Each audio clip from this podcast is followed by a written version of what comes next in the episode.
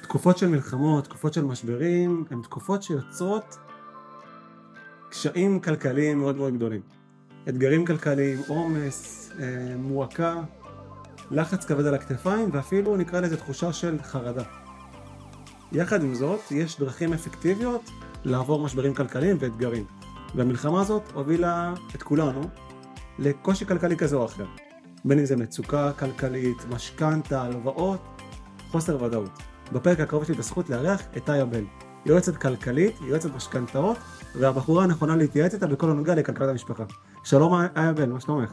מה נשמע עדי? איזה כיף להיות כאן. תודה רבה. תציגי את עצמך בבקשה, ככה שכולם יכירו אותך. אמ, טוב, אז אה, למי שככה מאזין לפודקאסט ומי שלא מכיר אותי, קוראים לי איה בל, אה, אני בת 31. ב-11 שנים האחרונות אני עוסקת בפיננסים. אה, אני יועצת כלכלית וכלכלנית, יש לי שני תארים בתחום הזה, וככה אני נרגשת להיות כאן, אני מקווה שבאמת אנחנו נצליח אה, לתת את כל הכלים והידע אה, לכל מי שמאזין לנו אה, בתחום הזה, ולהקליל טיפה, אתה יודע, את כל מה, ש... כל מה שנקלענו אליו. כן, זאת תקופה שהיא מאתגרת, לא פשוטה, עבור כולם. ובשביל זה אנחנו, זו הסיבה גם שהתכנסנו, כדי להציג אפשרויות ופתרונות שיכולים להעניק רווחה כלכלית או איזושהי אתנחתא מהמצב הזה. לגמרי, אני קוראת לזה ביטחון בתקופה של, של הרבה אי ודאות, אה, גם כאילו אנחנו לא יודעים מתי זה יסתיים, אנחנו לא יודעים איך להתמודד בתוך כל, ה, בתוך כל הלחץ, יש אנשים שהם לא מקבלים את השכר שהם רגילים לקבל כי יש אה, אה, סוג של קיצוצים בכמות שעות העבודה ואתה יודע, בסוף יש אה, הוצאות שאנחנו אה, ממשיכים לשלם, ומבחינתי זה משהו שהוא must להיערך לדבר הזה. אני יכולה להגיד לך שבאופן כללי, תחשוב שאנשים ביום יום שלהם, הם די שמים את הנושא הזה איפשהו בצד. כי זה נושא שקל להזניח אותו, זה נושא שהוא לא כולם אוהבים להתמודד איתו, להסתכל עליו, וזה די קל לדחות את הנושא הזה של הכלכלי, כי הכל יהיה בסדר, זו גישה ישראלית. ועכשיו, בעקבות המצב הזה, כלומר, בעקבות המלחמה, נוצר, כמו שאמרת, באמת חרדות אצל אנשים, ו- וזה בדציבלים מאוד מאוד אה, גבוהים, כלומר, בסופו של דבר, אה, בן אדם שהוא לא היה ערני לזה לפני כן, אז עכשיו זה סוג של מכה בו, ממש, ב- ב- ב- בחוזקה. גם יש את המשפחות והאנשים שכבר לפני המלחמה הם היו כבר בקיצון שלהם, בקצה, ואחרי שהמלחמה התחילה זה אפילו סוג של כבר נתן להם את הדחיפה הלא נעימה הזו, ממש לקצה של הקצה. לגמרי, לגמרי. ما, מה הם יכולים לעשות? איך, איך אותם אנשים שכבר נמצאים בקצה יכולים לנסות לעשות התנהלות מחדש? זה דורש איזשהו תהליך של ריפוי הרי.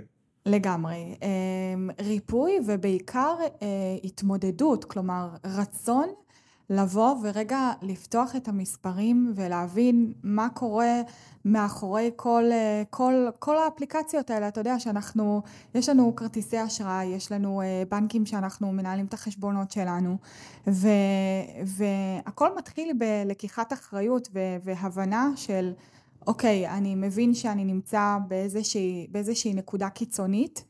אה, אני יכולה לומר אה, מהניסיון הרב שלי שאין דבר כזה אה, שאי אפשר לעבור את, את, ש, את, ה, את, ה, את האתגר שאתה נמצא בו כרגע.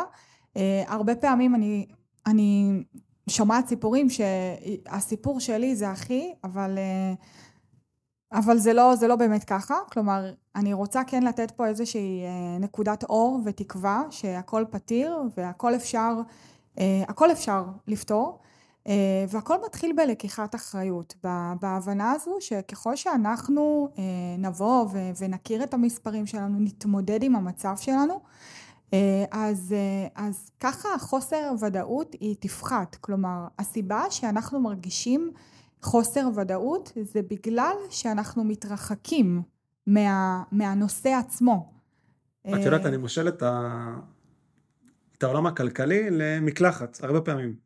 יש מספר סוגים של מקלחות, יש את האדם שנכנס למקלחת, ויש במקלחת שלו מים חמים, והשמפו תמיד מלא עד הסוף, ולא רק אחד, יש לו מגוון רחב של שמפואים, יש את האדם שנכנס למקלחת, והמים פושרים, הוא יכול להתקלח, להתקלח, השמפו עומד להיגמר, אבל הוא ממשיך להתקלח, ויש את האנשים שהמקלחת שלהם קרה, במינוס אפילו, והשמפו שלהם כבר אין בו שמפו, הם פשוט דיללו אותו במים כל כך הרבה, שכבר זה לא שמפו, זה מים עם טיפה סבון, וזה ממש כמו חשבון בנק, יש אנשים שמרוב שקר והחשבון שלהם במינוס, הם פשוט מפחדים להיכנס לחשבון. ממש מסכימה איתך, ואהבתי מאוד מאוד מאוד את ההגבלה ל... כי אני אומר לעצמי, זה בדיוק כמו מקלחת, אדם שהוא לא נכנס להתקלח, הוא פוגע בעצמו, הוא נהיה אדם שפחות נעים להיות בחברתו. לגמרי. הגבלה מאוד מאוד שונה, אבל אתה, את או אתה אמורים להשקיע בעצמכם ולטפח את עצמכם עם, אה, נקרא לזה תנאים איכותיים, כדי שתוכלו לנקות את המחשבות. חד משמעית, אני מאוד uh, מסכימה ואוהבת. Uh, תראה, אני יכולה להגיד לך שגם בסוף, אם בן אדם לא... בוא נגיד ככה, אני מאמינה שבסוף אנחנו באנו לעולם כדי לעבור כל מיני שיעורים, אוקיי? Uh, לטוב ולפחות, כלומר אה, גם דברים שאנחנו נהנים ואנחנו לומדים מהם ואנחנו אומרים אוקיי, אנחנו את זה אנחנו רוצים לשמר.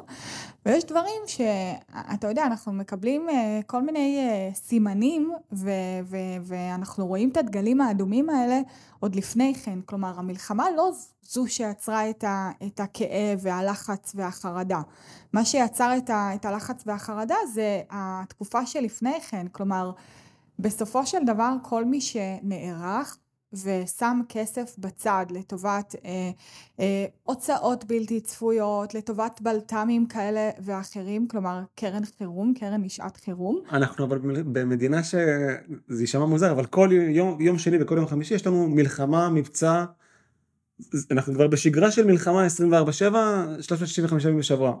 מצוין, דווקא בגלל זה. אנחנו אמורים להיות מתורגלים בגלל זה.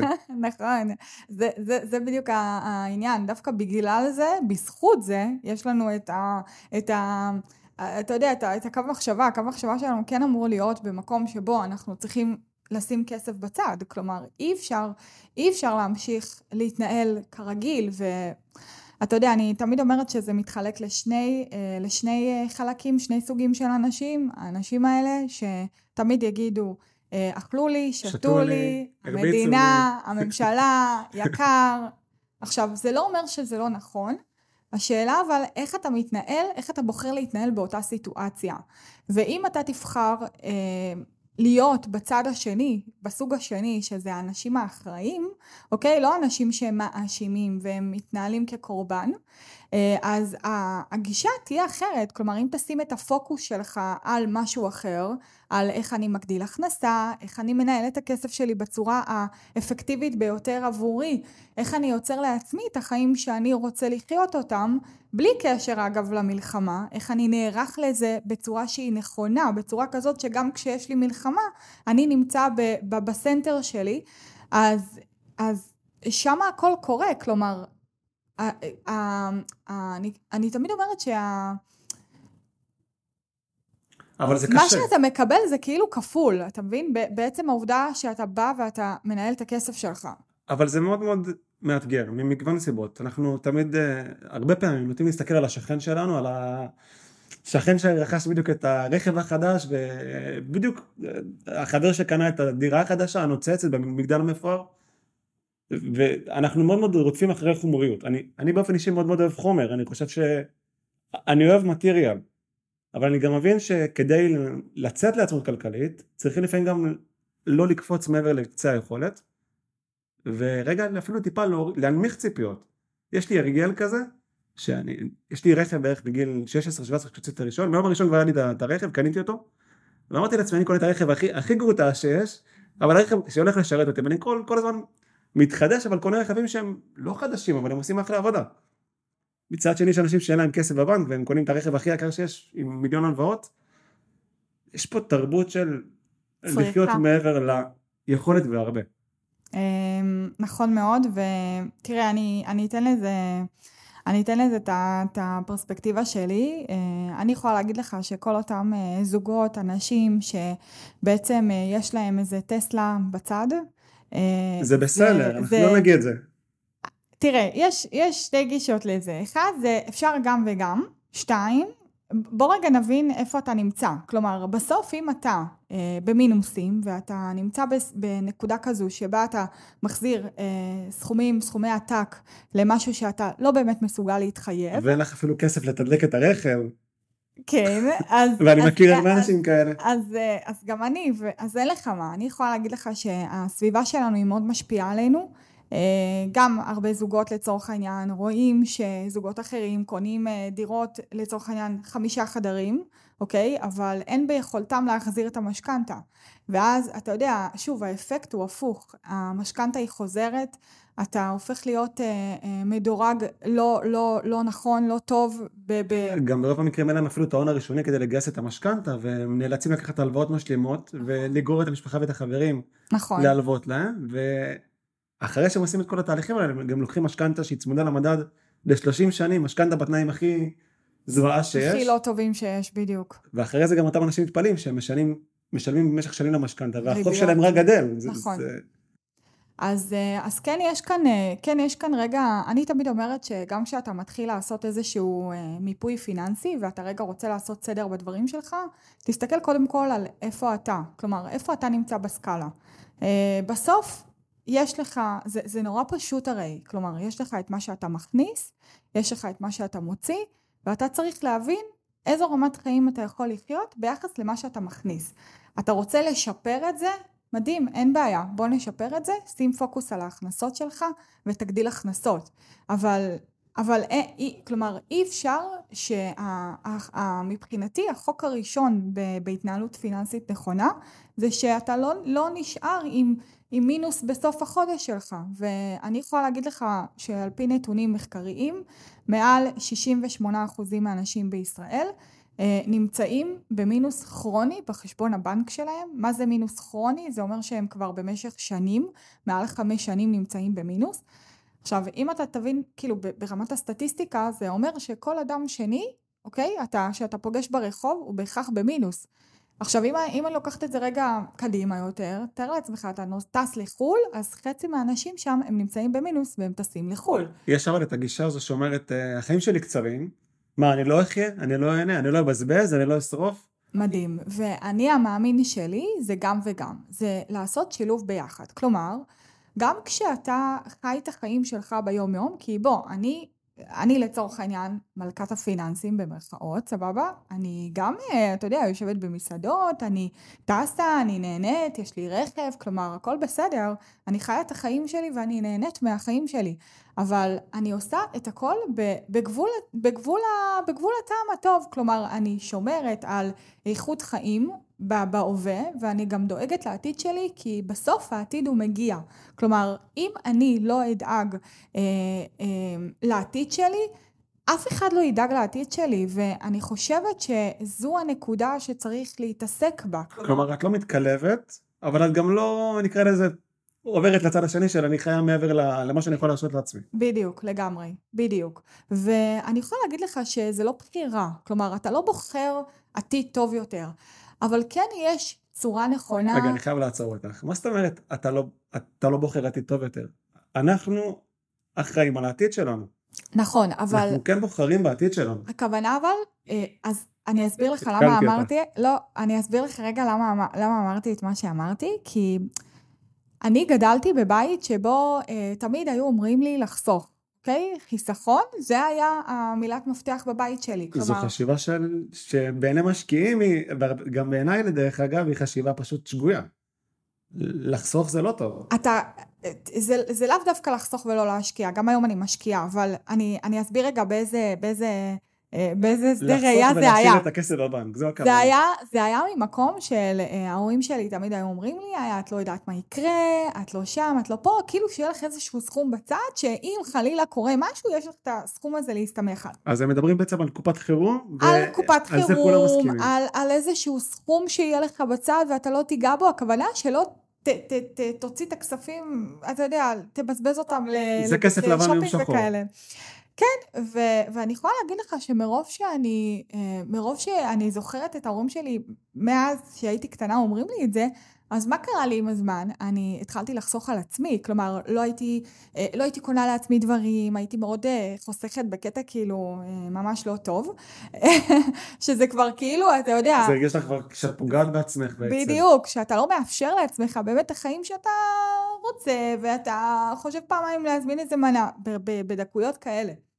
ואני יכולה להגיד לך שכשאני אומרת שאנחנו לא צריכים, כלומר, ברור שאנחנו צריכים לדאוג לעתיד, אבל לא לשכוח את ההווה, כי בסוף הרגעים והחוויות זה מה שמביא אותנו ל... אתה יודע, להגיע למטרות מטרות העל שלנו, כלומר אי אפשר, זה צריך להיות בהלימה, אוקיי? ו- ויש הרבה אנשים שהם, אתה יודע, גם כשאומרים להם לחסוך, לחסוך, לחסוך, נגיד אנשים כמוני שהם יזדהו אה, ויגידו, אוקיי, מרוב שחסכנו כל החיים שלנו, שמנו את עצמנו בסוף סדר העדיפויות, ו- וככה זה נכון כביכול, ההתנהלות הזאת, וזה לא נכון, אתה מבין? כלומר, אני, בגלל זה הגישה שלי היא מאוד גם וגם. כלומר, גם ליהנות מההווה שלך, לצאת למסעדות, לקנות בגבול הטעם הטוב, וגם במקביל לדאוג לעתיד שלך, כי אף אחד לא ידאג לו. זה משחק שהוא מאוד מאוד קשה, בהרבה סיבות, כי להשקיע ולחסוך זאת הסתכלות שהיא לטווח מאוד מאוד ארוך. כלומר, כדי לייצר עתיד כלכלי טוב יותר, אנחנו צריכים רגע לעצור, לקחת אפילו אקסל, אה, דף ונייר, עט ונייר, ולהתחיל רגע לדמיין ולתכנן, וזה מדע מדויק, איפה העתיד שלנו יראה עוד 5-10 שנים. מצד שני, ליהנות ולחגוג זה כאן ועכשיו, ומרגישים את ההנאה באותו רגע, באותו הרגע. מדהים. איך מאזנים את זה? אז uh, אני יכולה לומר שכשיש לך איזושהי תוכנית מסודרת, אה, ואתה בא ואתה מגדיר מטרות אה, כבר מתחילת השנה, כלומר לצורך העניין אני ממש ממליצה לעשות את זה או בראש השנה, ספטמבר כזה, או בינואר, אוקיי? אה, אתה בא ואתה רושם מהי מטרת העל שלך, מטרה אחת, אוקיי? אנשים לא, אנשים לא עושים את זה, כלומר הם יכולים, גם אם הם עושים את זה, הם מרגישים שיכול להיות שהם עשו את זה ולא הצליחו, הסיבה כי הם לא, הם לא היו מחויבים מספיק בשביל המטרה הזו. כלומר, אה, הרבה פעמים אנשים לא מתחילים לחסוך, הרבה אנשים לא מתחילים אה, לצמצם את המינוס שלהם וכן הלאה, כלומר לא כותבים את זה כמטרה, בגלל שהם מפחדים שהם לא יצליחו מה, מהכישלון.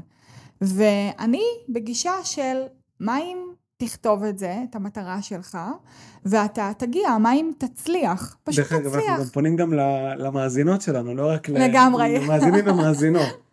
לגמרי. אמ, אז, אמ, אז מבחינתי, השלב הראשון בלקחת את כל, ה, אה, את כל הנושא הזה ברצינות, זה לקיחת אחריות, כלומר להבין שאתה עכשיו בא ואתה רגע עושה סדר בתחום הזה.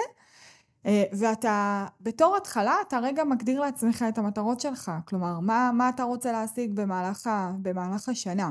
ולא צריך להתפזר עם מלא מטרות. אני אומרת תמיד, מספיק מטרה אחת, אחת, בשביל להראות ולהוכיח לעצמך שאתה יכול. כלומר, שאת יכולה. אם אנשים מסוימים מצליחים לחיות בכבוד, ואפילו להתעשר, אם הם מצליחים, ובואי נגיד את האמת, הם לא יפים מדי, הם לא מוכשרים מדי, הם לא חכמים מדי, וגם כנראה שהם לא טיפשים מדי. הם פשוט יודעים לחשוב בצורה שהיא טיפה שונה. כלומר, כל אחד יכול, במידה והוא יבחר, לצאת לרווחה כלכלית. רק אם הוא יבחר לאמץ כלים שהם אני רוצה, אני רוצה רק אבל אה, לדבר על הרווחה כלכלית, כאילו ההבנה הזאת של רווחה כלכלית היא משתנה מאדם לאדם. נכון. ו- וזה נורא, ו- וגם כדי להגיע לרווחה כלכלית, אתה צריך להבין מה זה בשבילך רווחה כלכלית. כלומר, אתה, תסלח לי, אבל אני אפתח כאן נושא אה, חופש כלכלי וכן הלאה וכן הלאה. אוקיי. בעיניי אין דבר כזה באמת חופש כלכלי. תסבירי מה זה חופש כלכלי בעיניי. אז יפה, מהמם. אז חופש כלכלי זה, זה מה שהאדם בוחר להיות, כלומר, מה, מה, מה זה בשבילך חופש כלכלי? אתה צריך להבין קודם כל האם זה פלוס בחשבון של 20 אלף שקל כל חודש? יכול להיות שזה לטוס שלוש פעמים לחו"ל בשנה? יכול להיות שזה דירה שיש לך שהיא בבעלותך וסיימת לשלם עליה משכנתה? כלומר, כל אדם מגדיר את החופש הכלכלי בצורה שהוא מגדיר אותה, זה ממש מופשט, גם רווחה כלכלית. ו, ולכן גם, כאילו, גם כשאתה עושה אה, איזשהו תכנון פיננסי, אתה צריך להבין מה, מה, איפה, לא, איפה, כמו שאמרת, איפה אתה רוצה להיות עוד חמש שנים. להבין רגע, מה, מה אני המאמין שלך, מה יעשה לך טוב, מה, מה, מה, מה יגרום לך לשקט ו, ו, ו, וביטחון ו, ולהסיר את כל הלחץ והחרדה שיש לך. כלומר, ברגע שאתה מגדיר את זה הרבה יותר קל, ואז נכנס, נכנס למשוואה כל הנושא הזה של החיצון שלנו, שהוא משפיע עלינו. אז uh, אני נגיד אוהבת מאוד את uh, מודל סמארט, uh, לא יודעת אם אתה, יכול להיות שאתה מכיר, שזה ממש כאילו ליצור uh, מטרה שהיא מוגדרת uh, בזמן, שאתה צריך להבין מה הרלוונטיות שלך שאפשר לגביה. למדוד אותה. שאפשר למדוד אותה, בדיוק, ואז לאט לאט כשאתה בונה מטרת על, אז יש לך יש לך סוג של אה, מפת דרכים כזו שהיא מובילה אותך. אתה יודע, אני תמיד אומרת שמה הדבר הראשון שאנחנו עושים כשאנחנו נוסעים, אה, נכנסים לרכב, זה בדיוק, זה גם כשאנחנו מכירים את היעד, אנחנו בדרך כלל, ברוב המקרים נפתח ווייז. למה? כי זה יצא לנו ודאות. מצוין, ודאות, אנחנו רוצים למנוע את הפקקים, אנחנו רוצים סוג של לקצר את הדרך. עכשיו, לא באמת מאמינה שאפשר לקצר דרכים, בסדר? כי הכל מדויק ואנחנו בסוף עושים את הדרך שאנחנו צריכים לעשות ובעיניי זה כאילו, זה must, אבל, אה, אבל כן, אבל כן, אנחנו יכולים להבין פחות או יותר לקראת מה אנחנו הולכים, איזה, מה יכול להיות, איזה בלת"מים צפויים להיות, אנחנו יודעים להעריך את הדרך שלנו ו, ו, והיופי בכל הדבר הזה זה ש... כאילו מצד אחד לא מלמדים אותנו בשום מקום לעשות את זה, ומצד שני, ברגע שאתה בוחר לקחת אחריות ו- ולראות את הדברים אחרת, אז אתה מצליח לצלוח את הדבר הזה. כלומר, אתה פשוט חי חיים אחרים. בואי נגיד כזה דבר, יש, בואי נקרא, נד... נמציא משפחה אחת, משפחת ישראלי. משפחת ישראלי עכשיו נמצאת במלחמה, והיא חווה אתגרים כלכליים. יש להם אה, משכנתה שמתחילה טיפה לחנוק, אפילו הרבה לחנוק, יש להם הלוואות והם מרגישים שהם חייבים לעשות שינוי למען מטרה גדולה יותר. גם האישה וגם הגבר עובדים, מכניסים משכורת, יש להם ילדים קטנים והם מרגישים שהם תקועים בין הכיסאות. איזה פעולות הם יכולים לבצע כבר עכשיו כדי נקרא לזה, אני לא, לא אגיד אה, לסדר הכל, אבל רגע לנסות לאזן את המצב. אז... אה, מה הפעולה הראשונה שהם יכולים לעשות כבר עכשיו, תוך כדי הפודקאסט? אז תראה, קודם כל דבר ראשון, מה שאני אה, מציעה לעשות זה רגע לפתוח את המספרים ולהבין אה, מה הם הוצאות הבוקר טוב שלנו. מה זה הוצאות הבוקר טוב? אני קוראת לזה בוקר טוב, כי, אה, כי זה בעצם ממה אנחנו פותחים את החודש, כל חודש. הוצאות שאי אפשר להתחמק מהן. ואנחנו לא יכולים להתחמק. יש לזה, הקטגוריה של ההוצאות האלה היא נקראת הוצאות קבועות, אוקיי? זה בעצם הוצאות שיש לנו כל חודש, והסכום עליהן הוא קבוע. אנחנו רוצים להבין כמה עולה לנו אותה משכנתה? אנחנו רוצים להבין, אם יש לנו ילדים, כמה הגן עולה, כמה הבית ספר עולה, כמה הביטוחים שלנו עולים. אוכל זה, זה הוצאות שהן משתנות, אנחנו תכף נדבר על זה. אוקיי, כי אפשר וגם... לקטלג את זה גם בתור נכון. משתנות וגם בתור קבועות, תלוי נכון. בסיטואציה. תלוי ממש אה, איך, איך אותה משפחה אה, מתנהלת, מתנהלת ב, ב, אם זה משהו שזה מאוד קבוע, אז כן, אבל לרוב, אה, אתה יודע, בא לנו את הפינוק הזה, בא לנו להוסיף איזה משהו כזה לסל קניות שאנחנו לאו דווקא, במיוחד אגב היום, בתקופה הזאת של המלחמה, יש הרבה קניות שהן... גם אכילה רגשית, גם קניות מתוך רגש, כלומר, כי אנחנו חווים כרגע... מצוקה. בדיוק, אנחנו במצוקה כרגע ואנחנו מנסים איכשהו לאזן את הנפש שלנו, ואנחנו בטוחים שבעזרת אותה קנייה אנחנו נצליח, אה, אנחנו נצליח ליצור את הרוגע הזה בתוכנו, אבל... זה גם לרוב... מרגיע לתקופה מאוד מאוד קצרה. אפשר לסתכל לפני השולחן, אכילה רגשית ו... לבזבז, זה גורם לאיזושהי הנאה מסוימת. נכון, הנאה קצרה אבל בטווח הקצר. אני תמיד אומרת שכשאתה קונה אה, מתוך רגש, ההנאה שלך בטווח הקצר היא אה, מדהימה, אוקיי? אבל בטווח הארוך, בדרך כלל מה שקורה זה שאדם הוא מלכה את עצמו על זה שהוא רכש את אותו מוצר או שירות, אה, כי, כי בעצם הוא לא עשה את זה מתוך... אה, קנייה שהוא רוצה לבצע. התכווננות, בדיוק, התכווננות אמיתית. כלומר, הוא לא... הוא, הוא, הוא, רצה, הוא רצה רגע לדאוג לנפש שלו שזה בסדר, אוקיי? כלומר, זה בסדר גמור, אני חלילה לא זה, כי אתה יודע, היום בתקופה הזאת אני באמת באמת לא שופטת אף אחד, ואני אפילו אה, חושבת שכדאי להגדיר איזשהו, אה, איזשהו אה, סכום לטובת, ה, לטובת ה, הדבר הזה. אז השלב הראשון הוא קודם כל לקחת אה, דר ועט, ולהבין מהם ההוצאות הקבועות שלנו, בדיוק. עכשיו, למה זה טוב? כי אנחנו בעצם מבינים עם מה אנחנו מתחילים את החודש. אוקיי? אנחנו מבינים מה הסכום שאנחנו צריכים להיערך אליו עוד לפני שהוצאנו דברים אחרים. כלומר, זה משהו שהוא חובה לשלם.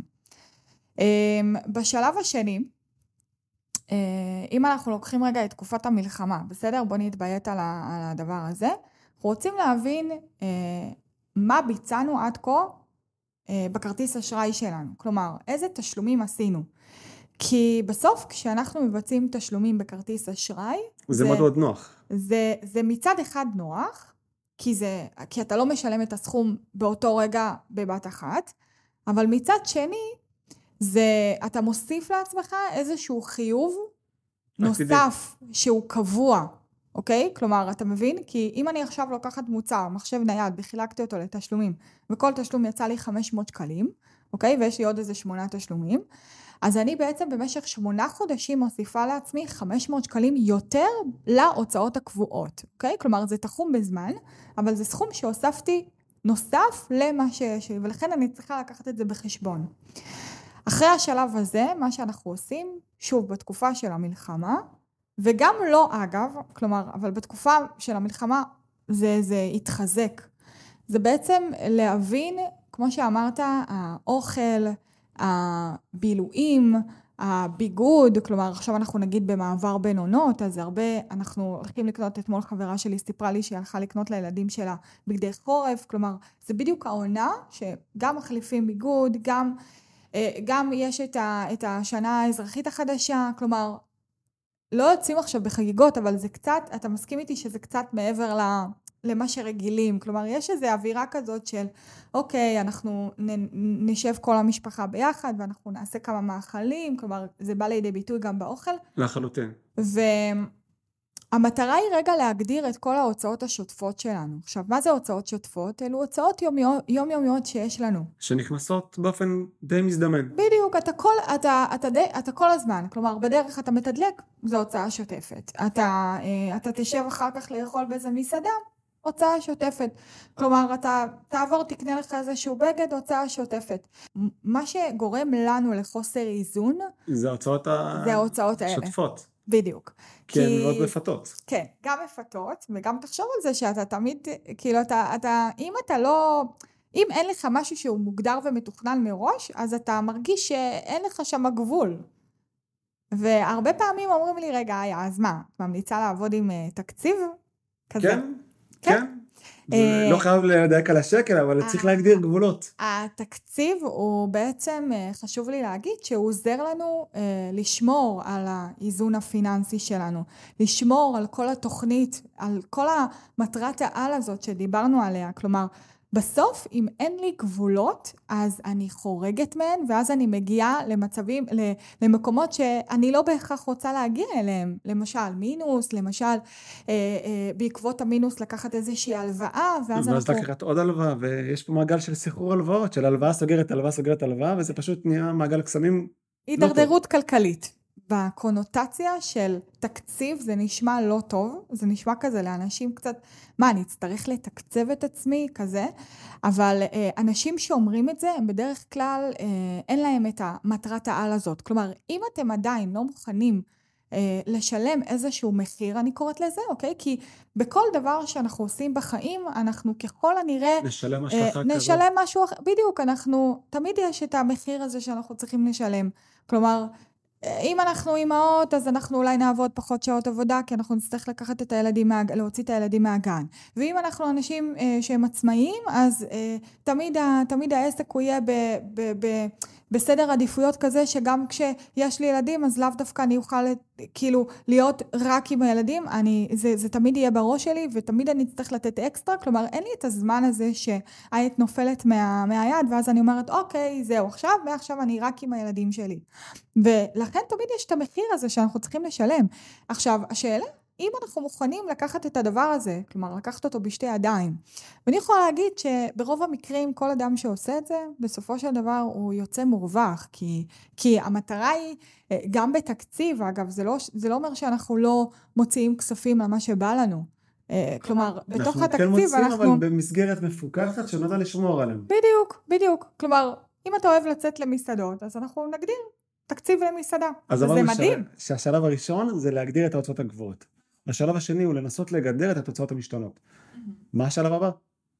אוקיי, אז השלב הבא זה בעצם, זה כבר הפעולות, הפעולות השוטפות שאני ארצה שהם יעשו. אמ, עם כמה שזה נשמע אמ, לא, לא מחדש, אוקיי? אה, אני יכולה להגיד לך שכשאנשים מתחילים לתעד את ההוצאות שלהם, הם מתחילים כזה להפיל אסימונים של וואו, מה לעזאזל קורה פה? הם מתחילים להבין את, ה, את, ה, את המצב שלהם באמת, את המציאות האמיתית, אוקיי? אה, כי היום, תאר לעצמך, אתה נכנס לחנות, מה אתה עושה? אתה מוציא את הטלפון, דאבל קליק על, ה, על האייפון כזה, ו, וזהו, והנה, סיימת עם הקנייה. אתה כאילו אחרי שנייה שכחת שביצעת את הקנייה. גם אח, אחת הדרכים להתמודד עם זה היא לרכוש דברים במזומן, כי כשאנחנו מוציאים מארנק מזומן אנחנו כביכול מרגיש מרגישים את יותר- הכאב הזה. כן, אתה מרגיש יותר. יש אגב אנשים שהם מתנהלים במזומן וזה. אה, אני כאילו יותר ממליצה אה, להשתמש בכרטיס אשראי, אבל... יש לך את אה, התיעוד כי יש של לך את זה. התיעוד, בדיוק. אבל, אבל אנשים שבאמת באמת מתחילים שינוי ו- ומרגישים שמזומן יעשה להם את ההבדל, אז כן, אני ממליצה לגמרי. כלומר, אם אתה מרגיש באמת הכאב ואתה מרגיש הרבה יותר מחושב כשאתה מוציא מזומן, אז זה מדהים בעיניי, כלומר אין, אין נכון או לא נכון, יש מה יעזור לנו בשביל לצלוח את את האתגר הזה שאנחנו נמצאים בו, ובדרך כלל גם אותם אנשים אחרי שנה לצורך העניין הם כבר חוזרים לכרטיס אשראי, אבל פשוט הם רגע אה, מטמיעים הרגל חדש, כי... כי ההרגל הזה נטמע בהם בתודעה. בדיוק.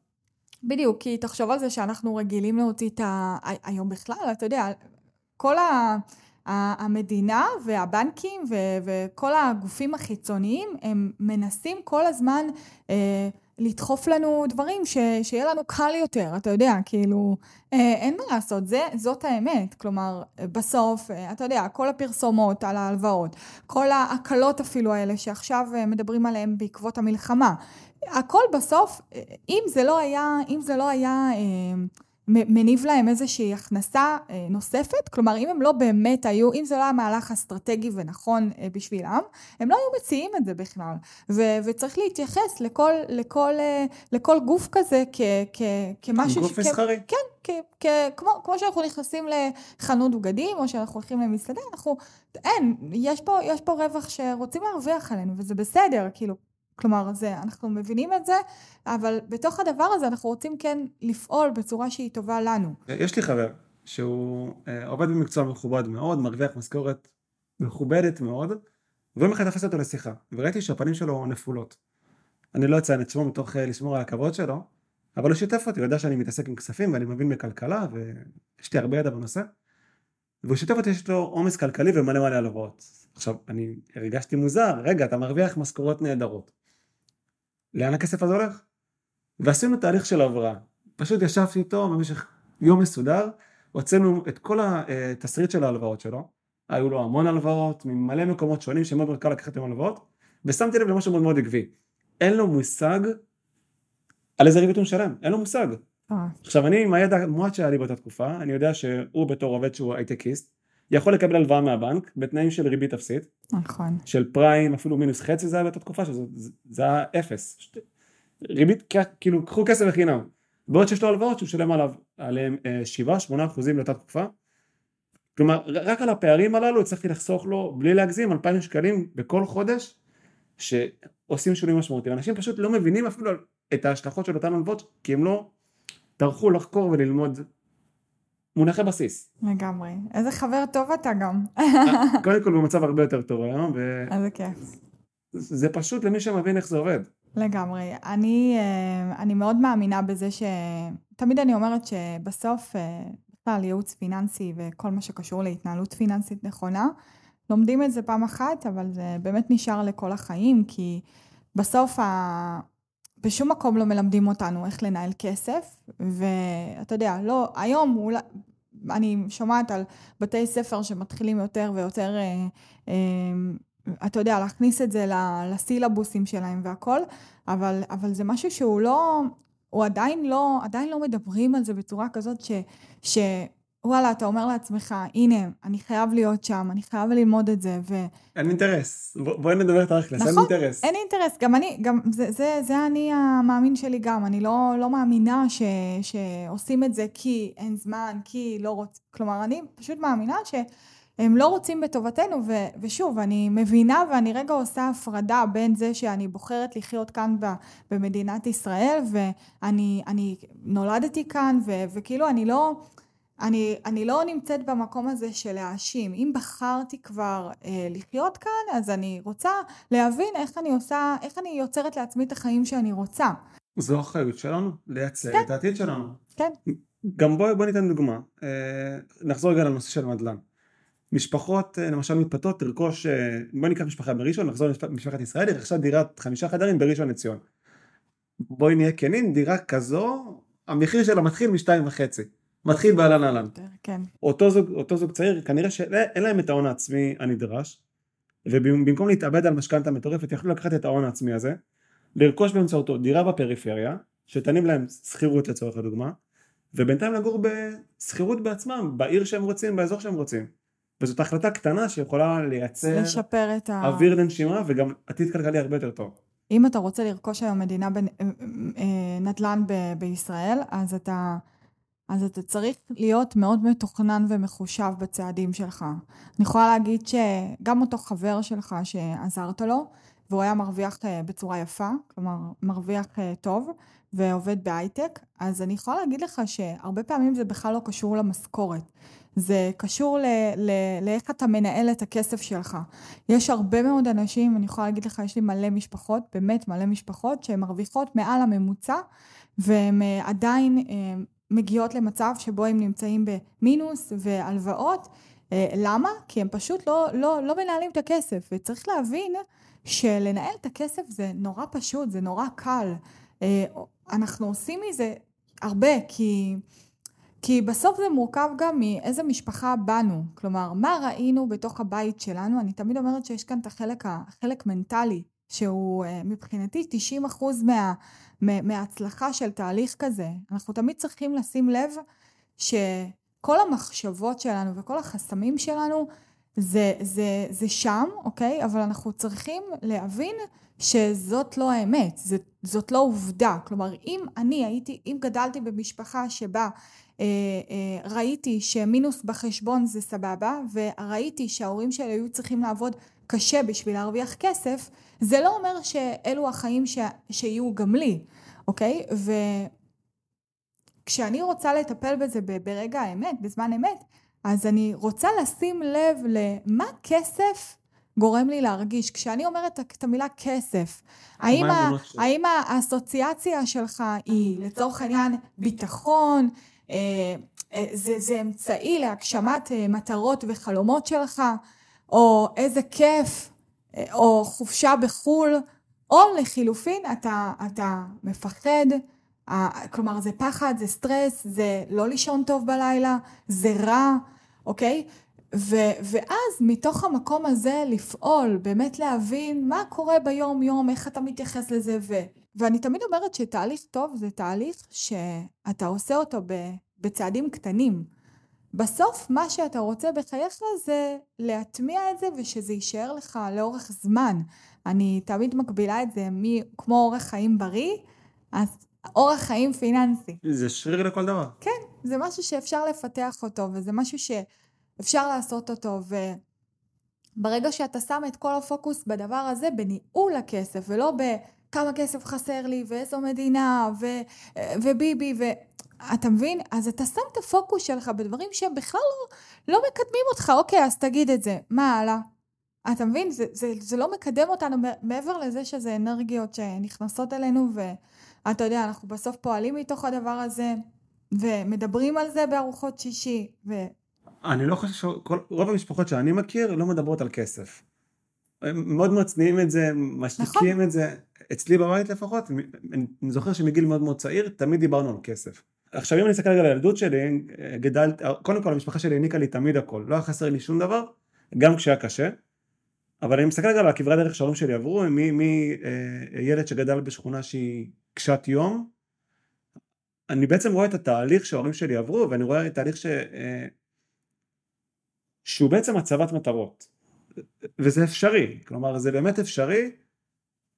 אני זוכר שממש בילדות שלי היו תקופות שהיה פחות, ואת פתאום מסתכלת על עכשיו, את אומרת רגע, היינו שם, איזה פעולות נקטנו כדי להגיע למצב שאנחנו נמצאים בו היום, ואם הצלחנו אז כולם יכולים להצליח כי זה אפשרי. משמעית. אני, תראה, אני, אני אוסיף ואומר שגם אני לא באתי ממשפחה ש, אה, שההורים שלי היו מרוויחים אה, מאוד, אה, אתה יודע, כלומר בעבר גם היו מסתפקים,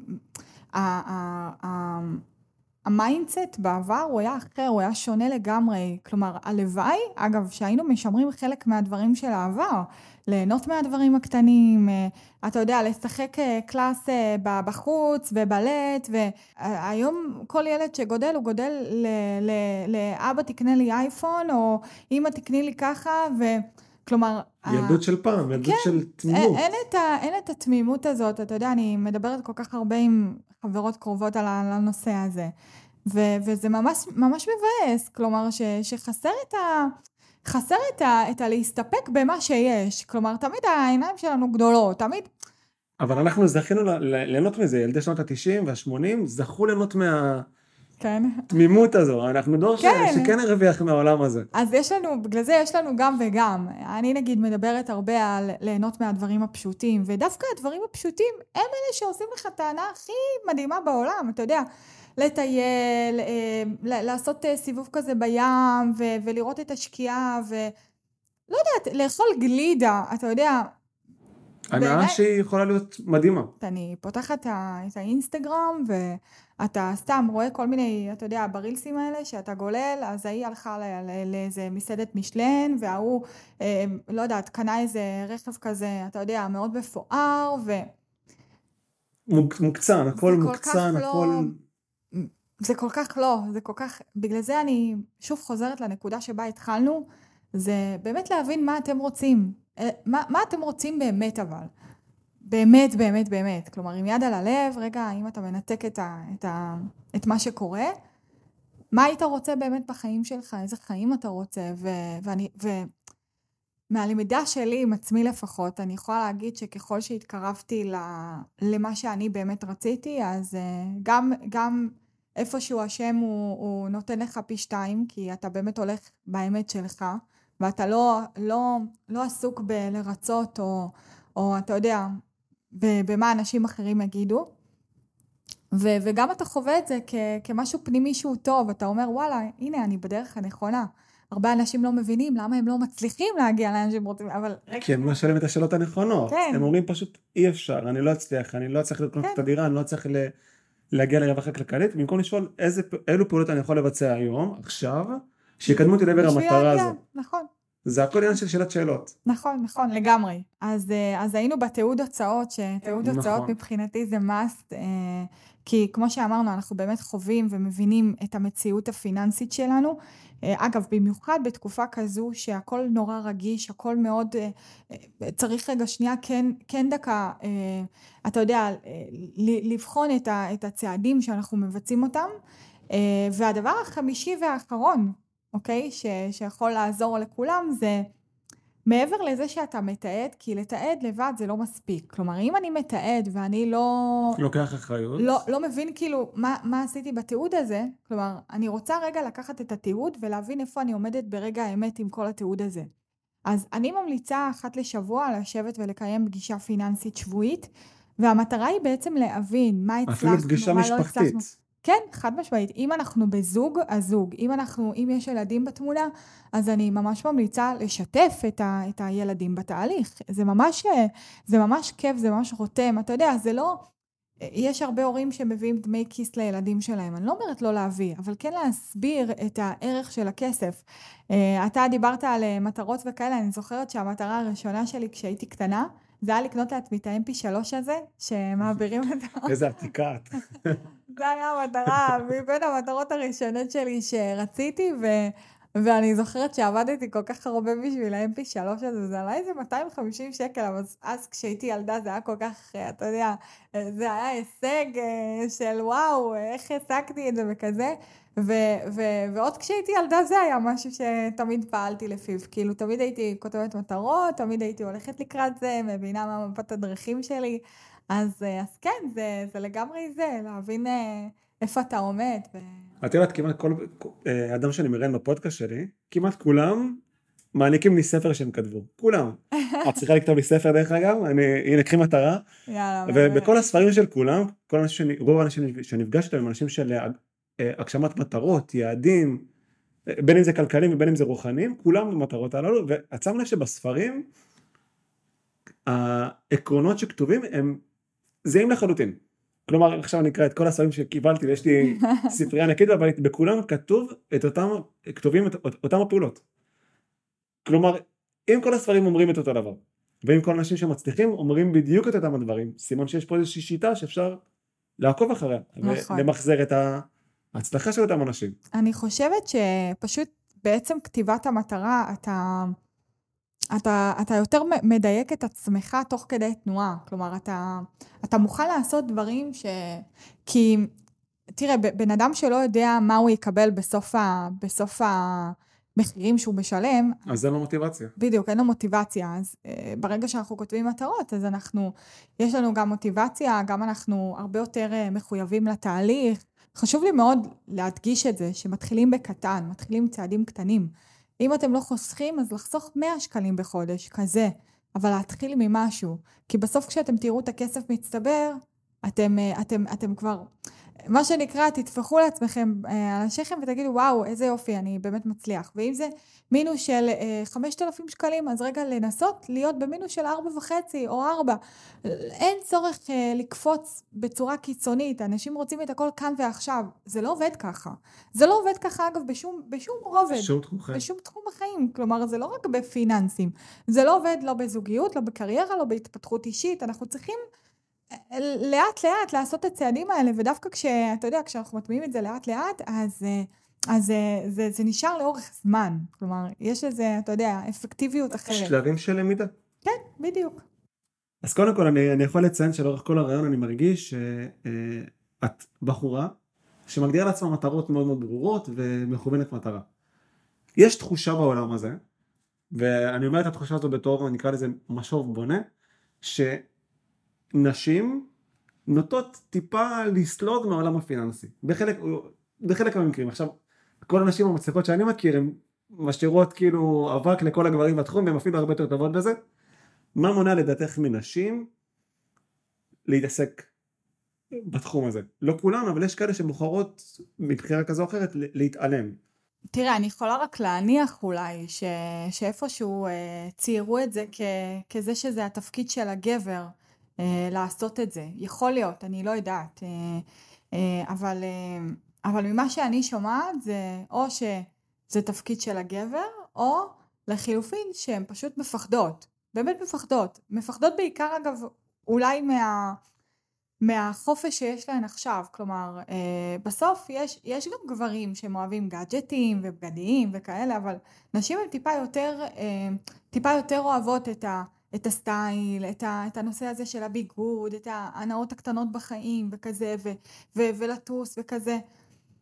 זה לא אומר ש, שגברים לא, אבל יכול להיות שזה בא ממקום של אוקיי, אם אני אצטרך, אה, אם אני אצטרך לדעת לנהל את הכסף שלי ולהתמודד עם זה, איך זה הולך להשפיע עליי? אז איך זה, בדיוק, איך זה ישפיע עליי? מה, אני, אני לא, לא אקנה לעצמי בגדים?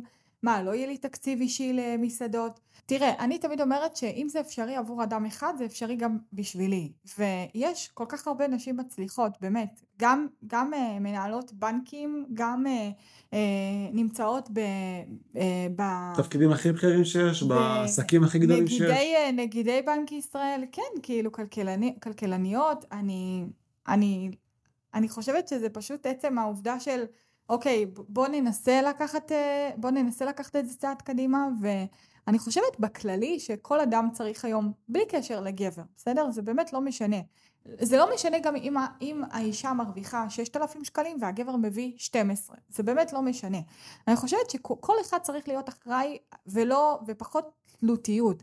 כלומר, בסוף כסף הוא משפיע על הרבה רבדים. זה משפיע על הערך העצמי שלנו, על הביטחון שלנו, על, על איך, תיראו, איך תיראה, אמ, איך תיראו החיים שלנו, הזוגיות. אני, זוגיות חד משמעית שזה משפיע. אני יכולה להגיד לך שאתמול הייתה לי uh, פגישת היכרות עם uh, זוג, שהזוג הזה, הוא התחתן לפני חודשיים, אוקיי? והם לא, הם התחתנו והם לא יודעים מה קורה בחשבונות אחד של השני. ואתה יודע, כשבפגישת ההיכרות הייתי אמורה כביכול להבין רגע מה, מה המצב שלהם היום, ו- ולראות איך אני יכולה לעזור להם ברמת ה-SOS לפני שהתהליך מתחיל. ו- ותוך כדי תנועה אני מבינה לפי השפת גוף, לפי השיחה עצמה, שהם לא בדיוק דיברו על זה יותר מדי. הם אה, לא, לא איכשהו הסתדר להם אחרי החתונה להפקיד את הכספים, כי זה היה על שם של הבעל, אז הוא הפקיד את הכספים, אבל לא היה כל כך שיח סביב הדבר הזה. אה, ואני יכולה להגיד לך שזה נושא שצריך לתקשר בו בדיוק כמו שאנחנו מתקשרים בדברים אחרים. כלומר, אי אפשר לשים... אי אפשר, אי אפשר לטאטא את זה מתחת לשטיח, כי בסוף זה גם... זה יצוף. כן, זה יצוף, ו- וזה... אני תמיד אומרת שבוא ניקח את החיוביות בתוך הדבר הזה, שכשאנחנו בתוך, זוג, כשאנחנו בתוך זוגיות, אז אנחנו שניים בתוך הדבר הזה, ו- ודווקא זה יותר קל להתמודד עם זה. כי כלומר, אחד יכול לעזור לשני, בדיוק, באתגרים שהוא עובר. בתמיכה, ב, ב, כי בסוף, תאר לעצמך, אנחנו באים כל אחד מ, מ, ממקום שונה, עם ערכים שונים, תרבויות שונות, כל אחד באני המאמין שלו, וכל אחד דמיין את עצמו בדרך כזו או אחרת. ובסוף כשאנחנו מגיעים ללבנות בית משותף, אנחנו לא יודעים איך לעשות את זה נכון, וצריך לקחת פה הרבה מאוד דברים בחשבון. אי אפשר, אה, אי אפשר אה, פשוט להמשיך ולהתקדם ולהתעלם מהנושא. אני יכולה להגיד לך שבסוף זוגות שהם כן לוקחים את עצמם בידיים בנושא הזה, וכן, אגב, מגדירים פשוט את הכל ביחד, מגדירים מטרות משותפות, אבל לא שוכחים את הדברים האישיים שלהם. כלומר, כן שמים פוקוס על המטרה מטרה האישית שלו ומטרה האישית שלה. לשם כך זה נועד, לקיים איזושהי שיחה כזאת על כסף זה, זה משהו שבעיניי הוא must, בטח ובטח בתחילת הדרך שלנו. אה, אני יכולה לתת לך עוד דוגמה לעוד זוג ש, שבא אליי לליווי אישי, שרק בליווי האישי הבעל גילה על האישה את כמות, הכ... הם ניהלו חשבונות נפרדים והוא גילה את כמות הכסף שהיא לקחה ברמת ההלוואות. עכשיו היא הגיעה ל-250 הלוואות, 250 אלף שקל הלוואות. שזה סכום שהוא... שזה סכום לא מבוטל בכלל. הוא יכול להיות טוב כשמדובר בהשקעות, אה, כן, מינוף אבל... למשל לצורך משכנתה או, או השקעות כאלה ואחרות. אבל זה לא, זה לא שם. מדובר בעצם על הלוואות למטרת צריכה. התחייבויות שוטפות ומה העניין זה שהיא מרוויחה משמעותית פחות ממנו. ומה שבעצם התהליך התמקד בו בלהסביר לו, ב- ב- בלהראות קודם כל את ההוצאות שלהם באופן כללי, ולהבין שהיא לא יכלה, ב- ב- בסכום שהיא מרוויחה, היא לא יכלה להחזיק את, ה- את כל ההוצאות האלה. זה היה, רואים מראש שזה הגירעון שעתיד להיות בה, כי אצלה בחשבון. אז, אה, אז... זה גם גורר כל המשפחה כלפי מטה. וזה פשוט תהליך שצריך ל... ובסוף מתי אתה עושה את השינוי? כשאתה מגיע על הקצה, כשכואב לך.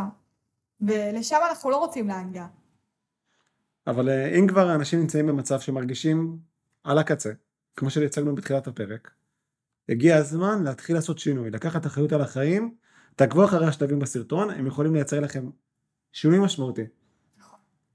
ועם כל הכאב שבדבר וכל השינוי הרגלים, בסוף הרגעים הללו נועדו לייצר לנו חיים טובים יותר. וזה אפשרי. חד משמעית. יש לי ככה שאלה שמסכנת אותי כל, ה... כל, הס... כל הפרק.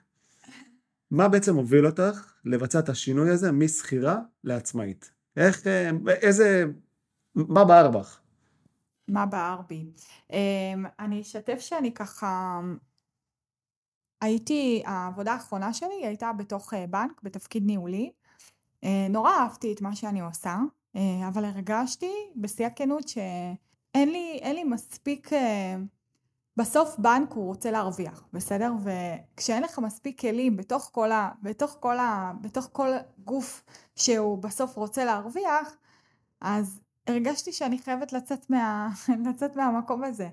כי בסופו של דבר בנקים הם רוצים להרוויח, אני, כשאני כפופה לתוך מסגרת, אז המטרות שלי אמורות להיות זהות לחברה שאני נמצאת בה, ברמה של לויאליות. Uh, עכשיו, זה לא אומר, כלומר בבנק, כשאתה נמצא, uh, כשאתה רוצה ל- למכור מוצרים, בתור גם מנהלת, אז אני אמורה לעודד את, ה- את העובדים, ל- ל- לשווק את המוצרים האלה. שיותר, uh, כן, ולייצר כמה שיותר מכירות.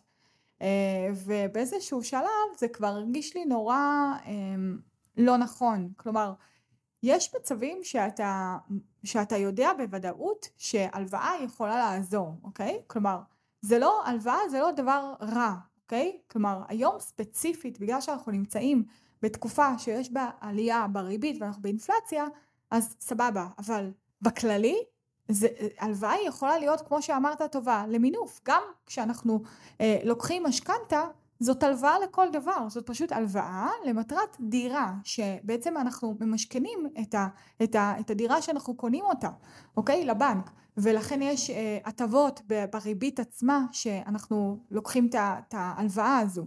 אבל זה לא אומר שזה לא הלוואה, ולכן לצורך העניין נדל"ן זה משהו טוב להשקיע בו לצורך העניין. אבל, אה, אבל כשהגיעו אליי לשם אנשים והרגשתי ש, אה, שאני צריכה לייצר, אה, לייצר, אתה יודע, להגיע לנקודות, לנקודות מכירה כאלה ואחרות, אז שם הרגשתי כבר לא, לא בנוח. לא במקום.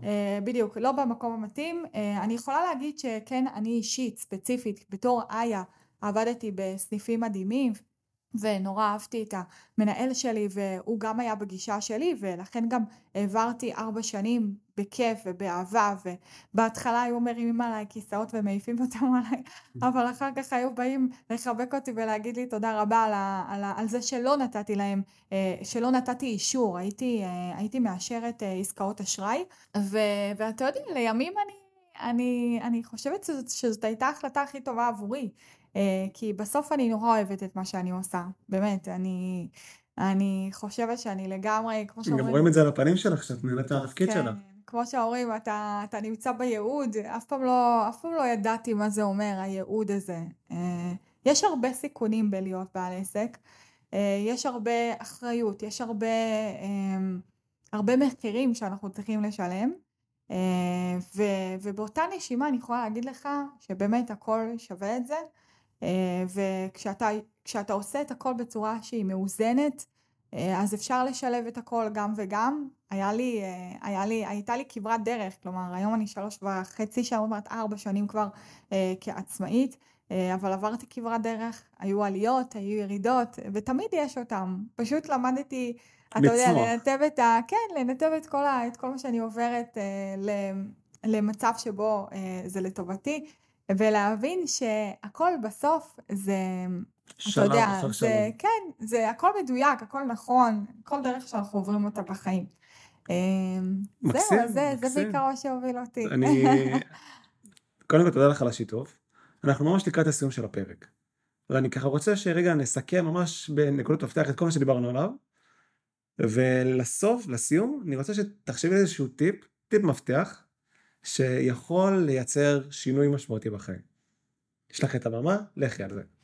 כל אמרנו שכדי לייצר ביטחון באי ודאות אנחנו קודם כל צריכים להתחיל להתחיל להתחיל לקחת אחריות על, ה, על, ה, על החיים שלנו, להבין שיש כאן משהו שאנחנו יכולים לשפר, לא להיות בגישה של אה, קורבנים, אנחנו רוצים לקחת אחריות ובעצם להבין רגע מהם המטרות שלנו, מהם היעדים הפיננסיים שלנו, להבין רגע לאן אנחנו רוצים להגיע. כלומר, קודם כל, תיקחו אחריות על החיים שלכם. בדיוק. אל תתקרבנו, תיקחו אחריות על החיים שלכם. ולקחת אחריות זה אומר שאנחנו יותר לא, לא מתעלמים מכסף, לא מתעלמים מחשבונות, ו- ואתה יודע, כל הפירוטי כרטיס אשראי וכאלה, אנחנו דווקא לוקחים אה, אחריות, כי אנחנו מבינים שברגע שאנחנו נעשה את זה, אנחנו בעצם נגביר את הביטחון שלנו בנושא. זה הדבר הראשון. אה, אחר כך אנחנו רוצים רגע לייצר פעולות ולהבין איך אנחנו, איך אנחנו, מאיפה מתחילים? בעצם להסתכל על התמונות מצב, לכתוב את ההוצאות הקבועות המשתנות ולהבין. להבין בדיוק את ההוצאות הקבועות שלנו, את התשלומים בכרטיס אשראי, את ההוצאות השוטפות, להגדיר סכום שהוא יהיה לטובת ההוצאות השוטפות, כדי שבעצם לא נחרוג מה, מה, מה, מהסכום הזה בהתאם להכנסות שאנחנו מכניסים. ואגב, אם אנחנו מכניסים עכשיו פחות, אז לשים לב, כלומר להגדיר את ההכנסה שהיא נכונה להיום, כלומר למה שזה. אה, אני כרגע בתקופת מלחמה אגב ממליצה לעשות את זה לשלושה חודשים קדימה, אין צורך לשנה או שנתיים כי זה נורא מאתגר להבין מה, מה יהיה איתנו מחר. כרגע גם אני עובדת בדרך הזו ואני ממליצה גם, אה, גם להם. אה, אחר כך אנחנו רוצים בעצם ברמת הפעולות היומיומיות שלנו, אנחנו רוצים לתעד את ההוצאות שלנו. אתם יכולים לתעד בכל דרך שהיא נוחה לכם, לא חייב אקסל, אוקיי? אני רוצה רגע, כי יש אנשים שהם מפחדים מאקסל. אז לא, לא חייב אקסל, אפשר אפילו כמו שאמרת לקחת דף ועט ופשוט לנהל איזושהי רשימה בפתקים, בקבוצת וואטסאפ, מה שנוח לכם כדי לגרום לשינוי לקרות. כלומר בסוף, להיות מודעים למצב. בדיוק בסוף תזכרו שזה בא לטובתכם העליונה, כלומר אנחנו, רוצים להצליח בזה, אנחנו לא רוצים ל- ל- לאתגר את הדרך עד להצלחה הזו. Uh, בשלב הבא זה בעצם uh, לקיים פגישה פיננסית שבועית שבה אנחנו רואים איפה אנחנו עומדים כל שבוע ובאמת לקבל איזושהי, uh, לקחת את החודש ולהבין רגע שנייה האם עמדנו ביעדים, האם לא עמדנו, מה גרם לנו לא לעמוד ביעדים, איפה התפתינו, יכול להיות שאגב גם לא הגדרנו נכון את הסכום ואז להעלות את הסכום, באמת, באמת להיות באיזושהי אה, אה, באיזושהי הרמוניה עם הדבר הזה ולהיות רגע, אה, לאפשר לעצמנו להבין ש, שהכל אפשרי ואנחנו בדרך. אני גם אוסיף ואומר, ארחיב על המשפט שלך, שזה גם בסדר להיעזר באנשי מקצוע, שהמומחיות שלהם משמעית. זה לטפל במקרים מהסוג הזה. חד זה משמעית. בסדר אם- וזה גם בריא. אם אתם מפחדים לבד, אז אני לגמרי בעד לקחת איש מקצוע ולעשות את זה. אתם לא חייבים לבוא אליי, אתם יכולים לבוא לכל איש מקצוע שאתם מתחברים אליו, אוקיי? בעיניי, חיבור בין איש מקצוע ל- ל- לאדם שעובר את התהליך זה must, אוקיי? אמ, ו, ו, וזה מבחינתי הכי, אתה יודע, הכי חשוב, כי בסוף מדובר בכסף, זה דבר הכי רגיש שיש, אתה יודע, יש אנשים שאומרים לי, איי, אני בחיים לא האמנתי שאני אפתח את החשבון בנק שלי, או שאני אשתף מישהי ש, שאתה יודע, זה, זה, זה, זה שלו, זה פרטי, כאילו, אני מבינה את זה, אתה יודע, זה... יש משפט שאומר, אה, אם את רוצה ללמוד על בן אדם, תסתכלי על החשבון בנק שלו. לפי הדפים של ההוצאות והפירוט חשבון, אני יכול לדעת על בן אדם הכל. אה, הכל, ממש להבין את האישיות שלו. יש בזה משהו, אבל אני חושבת שלפעמים אנחנו פועלים תוך אה, רגש, ואז אתה, אני, אני, אני מאוד, אה, מאוד נזהרת בלשפוט אדם אה, כשהוא נמצא בר, ב, ברגש כלשהו, כשהוא עצוב, כשהוא שמח, כשהוא בחרדה, כשהוא כועס. אז, אז לכן אני נורא נזהרת. אני כן רוצה לשקף מציאות, אבל אני עושה את זה בדרך שהיא מאוד נינוחה, מאוד מכבד. אתה יודע, מכבדת בדיוק את הזה, כי גם לי יש אגב רגעים כאלה. בוא, אנחנו, אני לא אשקר לאף אחד כאן ואני אגיד ש... ואני אגיד את האמת, כשאני עצובה טיפה, לפעמים אני מתנחמת באיזה משהו מגניב, אה, כשאני הולכת למסעדה עם חברה, זה בסדר אגב. זה בסדר וזה... עדיף להיות במודעות ו- ו- ו- ו- ולהבין את זה, וגם בתקציב אגב, אני, אני, אני קוראת לזה סעיף השקעה בעצמי, אני נורא מדברת על זה בתוכניות שלי. אה, קראתי לסעיף השקעה בעצמי, כי אני פשוט רוצה שאנשים יפסיקו להלקות את עצמם. להביא מראש סכום, להגדיר מראש סכום מסוים, שיהיה לטובת, לטובת ההנאות הקטנות שבחיים. כמה תובנות. כמה תובנות. טוב, הגענו לחלק הסופי של הפרק. יאללה. מוכנה? אנחנו צריכים עכשיו טיפ, מפתח, שיכול לייצר שינוי משמעותי. כלומר, הטיפ שלי, בוא נגיד ככה, אם זה שנייה, זה, בלי לחשוב, זה להתחיל פשוט. לא, לא לחכות, לא, לא לחכות שמשהו יקרה, לא לחכות שאם אתם צריכים עזרה, לקחת עזרה, ו, ו, ולהאמין ש, שזה באמת אפשרי, כלומר, בסוף זה אפשרי. אה, אז זה, זה, זה, אז זה, הטיפ זה להתחיל, זה טיפ להתחיל, מטורף. להתחיל, לא פשוט לחכות. לקום ולהתחיל לעשות. כן, כן, כן, להתחיל. איה בל, תודה ענקית. נהניתי מכל רגע, רעיון מרתק, שיהיה לנו מקסים. תודה רבה לך ש... ואנחנו נצח גם במלחמה. שהזמנת אותי, בעזרת השם. ותודה רבה. תודה לך.